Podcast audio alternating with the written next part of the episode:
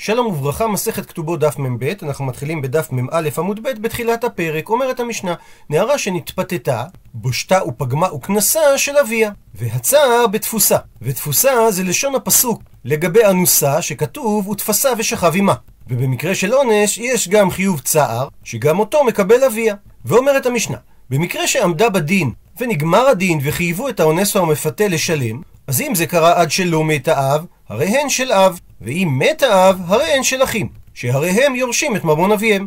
אבל אם לא הספיקה לעמוד בדין עד שמת האב, אז במקרה כזה הרי הן של עצמה. ולא מדובר על חיובי הממון, אלא רק על חיובי הקנס, שכיוון שהיא לא עמדה בדין, ולא נגמר הדין כשאבא עדיין היה בחיים, אז זה לא נחשב ממון שהוא מוריש לבניו. כמו שתגיד הגמרא בהמשך, אין אדם מוריש לבנו זכות שזיכתה לו תורה בביתו. והדברים נלמדים מפסוקים. דין נוסף, אומרת המשנה, אם היא עמדה בדין עד שלא בגרה, אז הרי הן תשלומי הקנס של אב. ואם מת האב, אחרי שהיא עמדה בדין בנערותיה, אז זה לא משנה אם היא בגרה קודם מיתת האב או לא בגרה קודם מיתת האב, הרי הן של אחים, שכיוון שעמדה בדין, במשמעות של נגמר הדין, אז זכה בהן אב, וזה ממון שהוא מוריש לבניו. אבל אם לא הספיקה לעמוד בדין עד שבגרה, במקרה כזה אומר תנא קמא הרי הן של עצמה. כפי שאמר רש"י בדף ל"ט, שכתוב בפסוק ונתן האיש השוכב עמה לאבי הנערה, שהאבא זכאי בכסף רק אם היא נערה בשעת נתינה. רבי שמעון לעומת זאת חולק ואומר, אם לא הספיקה לגבות עד שמת האב, הרי הן של עצמה. הוא מסביר רש"י שזה אף על פי שעמדה בדין, בכל זאת זה לא נחשב ממון שהאב מוריש לבניו, כל זמן שלא בוצעה הגבייה בפועל. הפכנו דף, ממשיכה המשנה, מעשה ידיה ומציאתה של הנערה שהיא עשתה בחיי אביה, אף על פי שהיא לא גבתה אותם עדיין, כגון שהיא עדיין לא קיבלה משכורת. בכל זאת, כאשר מת האב, הרי אין של אחין. הוא מסביר רש"י כי שכר העבודה והמציאה משבא לעולם כבר זכה בו האב, וזה לא דומה לקנס, שהוא לא נחשב ממון, עד שהאונס או המפתה עמד בדין, והביאו עדים שיחייבו אותו. שהרי לפני כן, האונס או המפתה יכול להודות בקנס ולהיפטר. ושואלת הגמרא, מהי כמשמלן? מה באה המשנה לחדש? כשהיא אמרה שנערה שנתפתתה, בושתה ופגמה וכנסה של אביה ועצר בתפוסה. שהרי תנינה, שנינו את זה כבר במשנה בדף ל"ט. המפתה נותן שלושה דברים, והאונס ארבעה, ומפרטת שם המשנה. המפתה נותן בושת ופגם וקנס, מוסיף עליו אונס שנותן גם את הצער. אז מה באה משנתנו לחדש? עונה הגמרא לאביה יצטריך לי. המשנה באה לחדש את הדין שלא שנינו במשנה בדף ל"ט, שתשלומי הנזק והפגם במפתה ובאונס גם תשלום הצער הולכים לאביה. מקשה על כך הגמרא, אבל לאביה נמי פשיטא. גם הדין הזה פשוט ולא הייתה צריכה המשנה להגיד אותו. שהרי מדקאי יאיב מפתה. מזה שהמפתה צריך לתת תשלומי קנס ובושת ופגם, ברור שמקבל התשלומים זה אביה. דהי לעצמה, כי אם התשלומים הולכים לנערה עצמה, אמה יאיב. מדוע שהוא יצטרך לתת את התשלומים? והרי מפתה מדעתה אבד, שהוא פיתה אותה, מה שאומר שהיא מחלה על חיובי התשלום מצד עצמה. אז אם כן ברור שהתשלומים הולכים לאביה. מתרצת הגמרא, עמדה בדין איצטריך עלי, המשנה באה להשמיע לנו את המקרה שהיא עמדה בדין ומת האבא לפני גביית הממון, שבזה פלוגתא דרבי שמעון ורבנן, שהם נחלקו לגבי הקנס, האם הוא הולך לאחים או לנערה עצמה, ואגב כך הזכירה המשנה, גם את שאר התשלומים, שהאונס או המפתה חייבים לשלם. ובאותו עניין מביאה הגמרא תנן אותם. שנינו שם במסכת שבועות את המשנה הבאה. האבא טוען, אנסת או ופיתית את ביתי, והוא אומר, מה פתאום, לא אנסתי ולא פיתיתי. ואומר האבא, משביעך אני, ואמר הנתבע אמן. ועל ידי כך, זה נחשב כאילו הוא ממש נשבע בעצמו. ואחר כך, הודה אותו אדם שהוא שיקר והוא אכן אנס או פיתה את הנערה ונשבע לשקר, אז הרי הדין שהוא חייב לשלם את הממון שהוא כיחש בו, וזה נקרא קרן, ומלבד זאת הוא חייב גם לשלם וחומש, וגם להביא קורבן אשם, שנקרא אשם גזלות, שכל הכופר בטענת ממון, ונשבע על טענתו, ואחר כך הוא הודה שהוא נשבע לשקר, צריך לשלם קרן וחומש ולהביא אשם גזלות. רבי שמעון לעומת זאת פוטר במקרה הזה מחומש ואשם גזלות, והסיבה לדבר שאינו משלם קנס על פי עצמו, אלא רק על פי עדים. וכיוון שאילו הנתבע היה מודה לו לפני בית הדין בשעה שתבעו האבא, הוא היה נפטר שהרי מודה בקנס פטור. אז גם כשהתהליך המשיך, והוא נשבע לשקר ואחר כך הודה, זה לא נחשב שבועת כפירת ממון, שעליה אמרה התורה שצריך להוסיף על תשלומי הקרן חומש ולהביא אשם גזלות. אמרו לו חכמים לרבי שמעון, והרי אף על פי שאינו משלם קנס על פי עצמו, אבל בכל זאת משלם בושת ופגם על פי עצמו. ולכן זה נחשב כפירת ממון, והוא יהיה חייב להוסיף תשלום חומש וגם אשם גזלות. כך שכאשר הוא כופר בבושת והפגם שהם חיוב ממון, הוא מתחייב לשלם חומש ולהביא אשם גזלות. ובדף מ"ג הגמרא תסביר את הטעם של חכמים, שכאשר האבא תובע בסתם וטוען אנסת, הוא בעצם תובע ממנו בושת ופגם. מה שאין כן לשיטת רבי שמעון שהגמרא שם תסביר, שעיקר התביעה היא על הקנס. עד לכאן לשון המשנה, ובעקבות כך באה מיני שאל אביי מרבא. הוא מדגיש רש"י שמדובר על רבא בר נחמני, שהיה גם דודו וגם רבו של אביי. האומר לחברו, אנסת או ופיתית את ביתי, והעמדתיך בדין, ונתחייבת לי ממון. והוא הנתבע אומר, לא אנסתי ולא פיתיתי ולא העמדתני בדין, וממילא ולא נתחייבתי לך ממון. ונשבע על כך, ואחר כך והודה שהוא שיקר. אז לרבי שמעון, מה יהיה הדין במקרה כזה? הוא מסביר אביי את צדדי השאלה. כיוון דעמד בדין כבר קודם, ואם הוא היה עכשיו מודה לפנינו, הוא לא היה נפטר אלא היה משלם, שכבר חייבו בית דין ראשון על פי עדים. אז התביעה עכשיו, ממון ההווה, היא כבר לא בגדר קנס אלא בגדר ממון, ואם כך, בזה שהוא כפר בה, הוא מחייב עליה קורבן שבועה. וממילא יהיה חייב להביא על זה קורבן אשם גזלות. או דילמה, או אולי נאמר לרבי שמעון, שאף על גב דעמד בדין, וכבר חייבו בית דין הראשון על פי עדים, כך שגם אם הוא היה מודה עכשיו, ודאי שהוא היה חייב לשלם, בכל זאת אולי יגיד רבי שמעון, שהוא לא יהיה חייב בעקבות כפירתו קורבן שבועה, שהרי הואיל ועיקר התבויה, קנס אבי, היא על תשלום קנס, ולא חייבה תורה קורבן שבועה, אלא על פיקדון ותשומת יד וכיוצא בהן. אז האם מסתכלים על התביעה הנוכחית ושם זה ממון, או מסתכלים כיצד התחילה התביעה ושם זה היה קנס? אמר לי, עונה לו רבא, ממון ההווה, ומחייב עלי קורבן שבועה.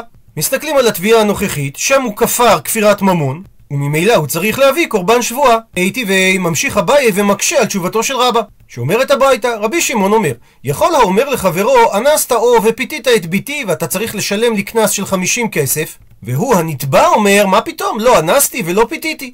או תביעה אחרת על קנס, שהוא טוען, המית שורך את עבדי, ולכן אתה צריך לשלם לי קנס 30 כסף. והוא הנתבע אומר, מה פתאום, לא המית. או שאמר לו, עבדו לאדון, הפלת את שיני או וסימית את עיני, והקנס במקרה הזה שאתה צריך לשחרר אותי לחופשי, וזה נחשב קנס שהרי העבד הוא בעצם ממונו של האדון בדיוק כמו אחד מן החמורים. והוא האדון אומר, מה פתאום, לא הפלתי ולא סימיתי, ובהמשך התהליך, ונשבע הנתבע על דבריו, והודה אחר כך שהוא שיקר. האם במקרה כזה יכול יהיה חייב בקורבן שבועה? תלמוד לומר, לכן אומר הפסוק נקרא בפנים, נפש כי תחטא ומעלה מעל באדוני וכיחש בעמיתו בפיקדון או בתשומת יד או בגזל או עשק את עמיתו.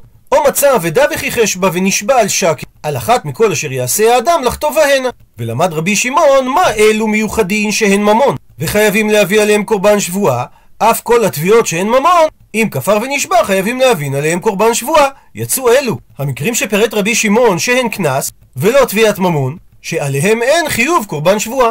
עד לכאן לשון הברייתא, הפכנו דף ושואל אביי, מה העילה בשעמד בדין? האם הברייתא לא מדברת? גם על מקרה שכבר הייתה תביעה בבית דין אחד ובאו עתים באותו בית דין וחייבו בית דין על פיהם. ועכשיו זה טובו מה שחייבו בית דין. וחזר הנתבע וכפר ובכל זאת אמרה הברייתא שהוא פטור מקורבן שבועה לדעת רבי שמעון. ולא כמו שאתה רבא הסברת שבמקרה כזה לרבי שמעון זה נחשב כפירה בממון עונה לו רבא, לא מדובר בברייתא שכבר עמד בדין, אלא מדובר בשלא עמד בדין, ועדיין לא העידו עדים, ואם הוא יודע, הרי הוא יכול לפתור את עצמו כמודה בקנס פטור, ולכן זה לא נחשב כפירת ממון, והוא לא מביא קורבן שבועה. מקשה על כך אביי, והמי דרישא, והרי מראש אותה ברייתא, ששם מדובר על דעת חכמים שחלקו על רבי שמעון, וחייבו אותו להביא קורבן שבועה, ושם מדובר בשעמד בדין, אז בהכרח סעיף הנמי, גם בסוף הברייתא מדובר בשעמד בדין, ומוכיח הבית את דבריו. דקתני רישא, שכתוב בראש אותה ברייתא, אין לי אלא דברים שמשלמים עליהם את הקרן. שאם הוא כפר ונשבע והודה, הוא יהיה חייב קרן וחומש ואשם, שהרי הוא כופר בחיוב ממון. מה יהיה הדין כשהוא כופר בתשלומי קנס, כגון תשלומי כפל, תשלומי ארבעה וחמישה, והאונס והמפתה ומוציא שם רע, מניין שגם בהם הוא יהיה חייב קורבן שבועה. תלמוד לומר, נקרא בפנים, נפש כי תחטא ומעלה מעל בדוני וכיחש בעמיתו בפיקדון או בתשומת יד או בגזל או עשק את עמיתו. ומזה שנקטה התורה לשון של ומעלה מעל, למדו חכמים שריבה, הפסוק ללמד אותנו, חיוב קורבן שבועה אפילו על תשלומי קנס. עד לכאן לשון הרישא של הברייתא, הוא מדייק אביי. איך היא דמי? באיזה מציאות דיברה הברייתא? אם מדובר דלא עמד בדין, אז כפילה מי היכא? איך דיברה הברייתא על תשלומי כפל, והרי עדיין לא הוכח שהוא גנב, שנחייב אותו כפל. ועוד, אולי הוא בכלל יודע, והוא ייפטר כדין מודה בקנס שפטור. אלא פשיטא שבהכרח צריך לומר שהברייתא דיברה בשם עמד בדין. ומדרישא של הברייתא מדברת בשעמד בדין, אז הסיפא של הברייתא נמי, גם היא מדברת בשעמד בדין. ואם ככה חוזרת השאלה של אביי, שגם במקרה שעמד בדין, רבי שמעון אומר שהוא פטור מקורבן שבועה, וזה סותר את תירוצו של רבא בעמוד הקודם. אמר לי, עונה לו רבא, יכינה לשינוי אלך רישא בשעמד בדין, וסיפא בשלא עמד בדין, וכולה רבי שמעוני. הייתי יכול לתרץ לך שהברייתא כולה היא לדעת רבי שמעון, ובתחילת הברייתא מדובר שהוא כבר עמד בדין ונגמר דינו שהוא חייב, לעומת סוף הברייתא שמדובר שהוא עדיין לא עמד בדין, ולכן ברישא הוא מתחייב קורבן שבועה, ובסיפא הוא לא מתחייב קורבן שבועה. אבל אומר לו רבא, אני לא אענה לך את התשובה הזאת, מהסיבה, ושינוי הדחיקי לא משנינן לך. כי זה תירוץ דחוק, דאם כן אמרת לי, תקשה עליי, ליטני רישא רבי שמעון אומר, או ליטני סיפא דברי רבי שמעון. שאם הברייתא כולה היא לדעת רבי שמעון, אז מדוע באמצע הברייתא כתוב רבי שמעון אומר? שהרי היה צריך להיות לשון של רבי שמעון אומר בתחילת הברייתא, או בסוף הברייתא דברי רבי שמעון. אלא מתרץ רבה, כולה הברייתא מדברת בשעמד בדין, ורישא של הברייתא הרבנן, וסיפא של הברייתא רבי שמעון. ומודין הלך לעניין קורבן שבועה, שאף על גב שמדובר שהוא כבר עמד בדין, סובר רבי שמעון שהוא לא יהיה חייב עלי קורבן שבועה, מהסיבה דרחמנא פטרי מווכיחש, שלומדים מהפסוק וכיחש, ששם הוזכרו רק חיובי ממון, שאם התביעה בתחילתה הייתה על עניין קנס, הוא יהיה פטור מקורבן.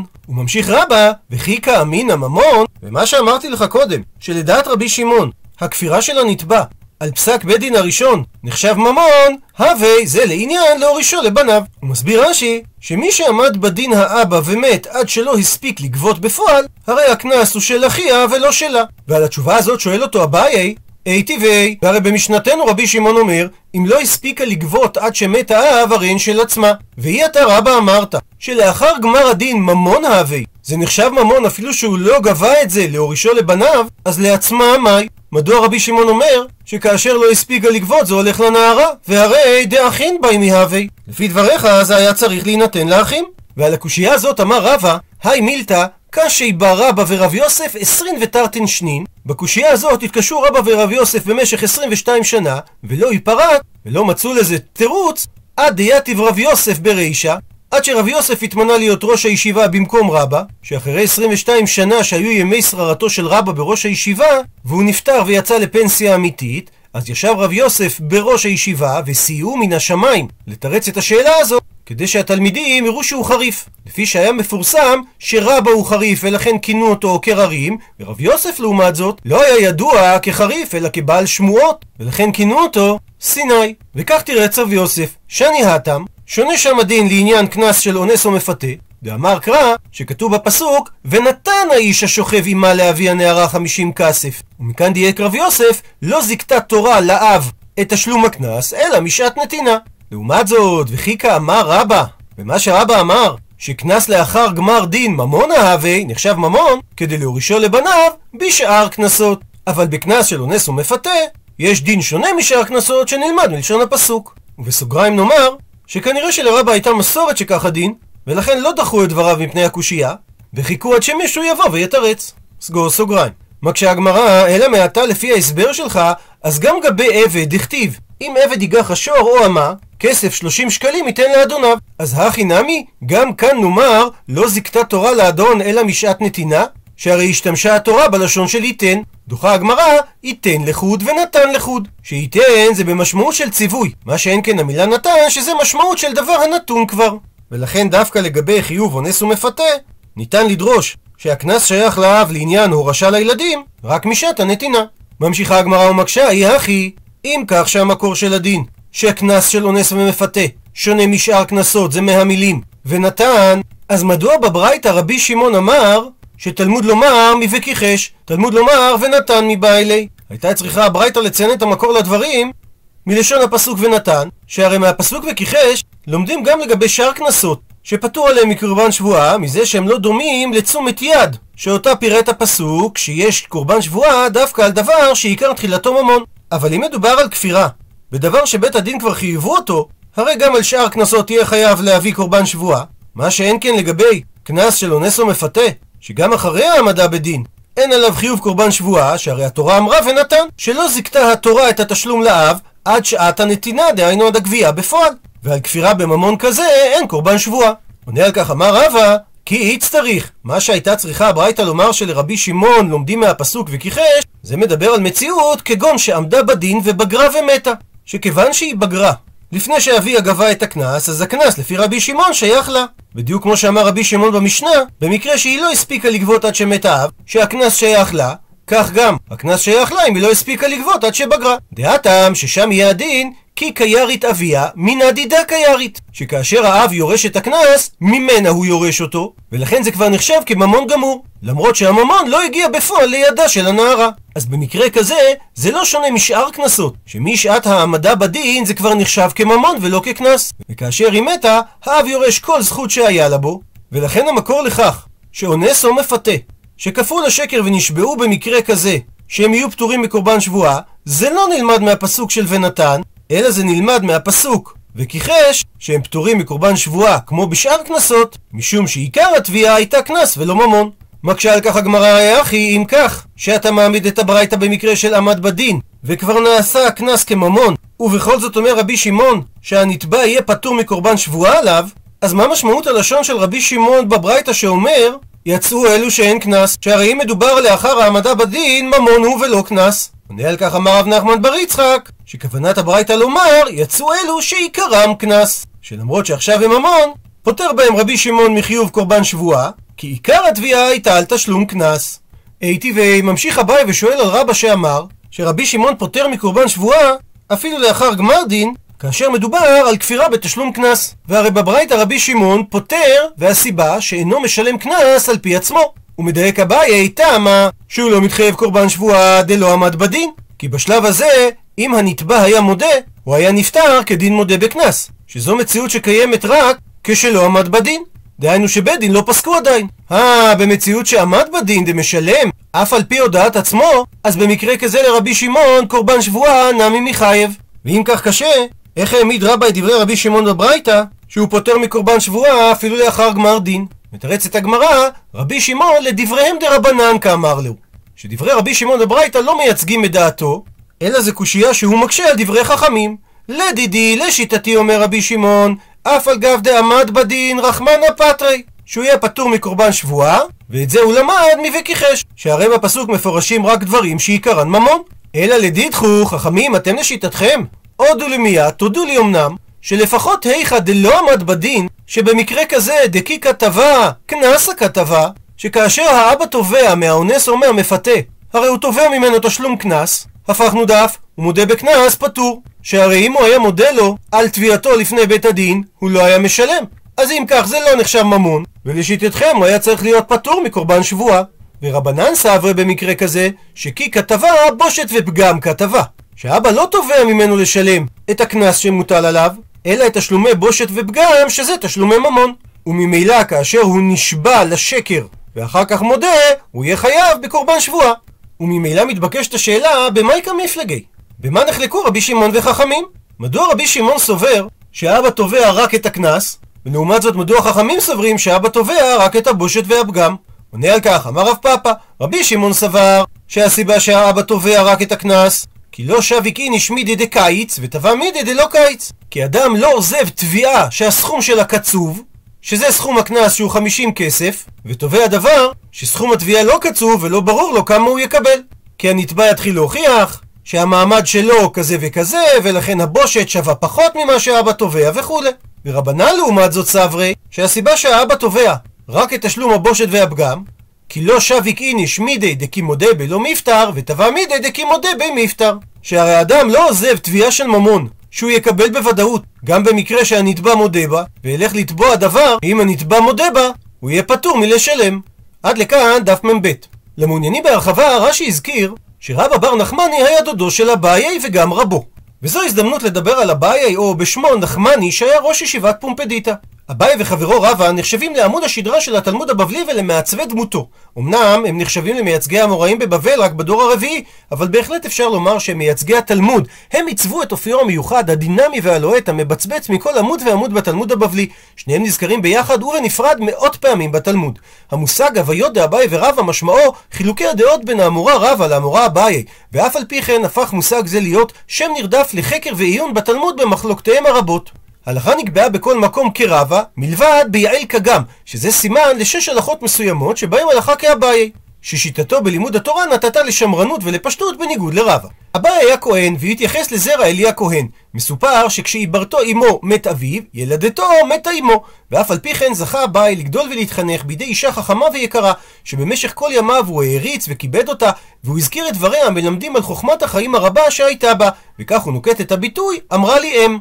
דודו רבא היה מנציגיו של הדור השלישי וראש ישיבת פומפדיטה. הוא גידל אותו בביתו ולימדו תורה, והיות והוא רצה להימנע מלקרוא בשם אביו, הוא כינה את בן אחיו אביי, דהיינו אבא קטן או אבי שלי. אביי התמיד מיהדותו בלימוד תורה על אף מצבו הכלכלי הקשה שהיה מנת חלקו בצעירותו, דבר שגם גרם לו לחלות במחלות שונות, ולמרות זאת הוא זכה לאריכות ימים, ובמשך הזמן השתפר מצבו הכלכלי, ומן המקורות התלמודיים אנו לומדים שהיה עשיר והיו לו שדות ופועלים רבים. מלבד דודו רבא שלימדו תורה, למד אביי גם אצל רב יוסף, בן זוגו של רבא, שאותו הוא כיבד והעריך מאוד, ולאחר שחלה רב יוסף ושכח תלמודו, היה זה אביי שהיה מזכיר לו את תלמודו. אביי כיבד מאוד את בני ארץ ישראל, והוא אמר על חכמיהם שאחד מהם עדיף כשניים מבבל, ולכן הוא גם קיבל תורה מפי המוראים רבים שירדו מארץ ישראל לבבל, ובמיוחד מפי רבין ורב דימי. מסופר שכשנפטר רב יוסף, חיפשו ראש ישיבה במקומו לתפקיד, והיו מועמדים מחשובי המוראים באותו דור, אביי, רבא, רב זיירא ורבא בר מתנה. אמר רבא בר מתנה, כיצד נכריע? כל מי שיאמר דבר ולא ישיבו עליו, הוא יעשה לראש. על כולם השיבו, ועל דברי אביי לא השיבו, וכך הוא התמנה לראש ישיבת פומפדיטה שבה הוא כיהן עשרים שנה. לאהבתו את התורה ונושאיה, תלמידי חכמים לא היה קץ. כשראה תלמיד חכם צעיר מסיים מסכת, הוא היה עושה יום טוב לרבנן. הוא ידע שאי אפשר לכל אדם לעסוק בתורה בלי בסיס כלכלי, ולכן הוא אמר, הרבה עשו כרבי ישמעאל, שנהגו בדרך ארץ לחרוש ולזרוע, ועסקו בתורה בשעת הפנאי, ועלתה בידן, והרבה עשו כרבי שמעון בן יוחאי, דהיינו שהייתה תורתן אומנותן, ולא עלתה בידן. על מקום קבורתו מופיע בספר הגלגולים לרב חיים ויטל. בכפר יבנית יש שם מערה שבה קבועים אביי ורבא, והנה הפתח לצד מערב, ובתוכה הרבה כוכים. הנה, בכוך שבקרן מזרחית דרומית ממש, שם קבור אביי, והכוך הסמוך לה עומד בצד דרום ממש, שם קבור רב דימי נהרדעה, והכוך הסמוך לו אשר בצד דרום גם כן, והוא כוך יותר רחב מכוך רב דימי הנזכר, שם קבור רבא, והוא בכוך האמצע שבצד דרום, ושאר הכוכים לא הגיד לי מה הם. בעקבות דברים אלו של האריזל, שלפי המקובל נכתבו על ידי תלמידו רב חיים ויטל ברוח הקודש, הייתה ידועה מערה זו כמערת אביי ורבא, כאשר בשנת 2008 נתגלתה מערה בכפר אבנית אשר התאימה לתיאורו המדויק של רב חיים ויטל, והיא מצוינת כיום כמערת אביי ורבא.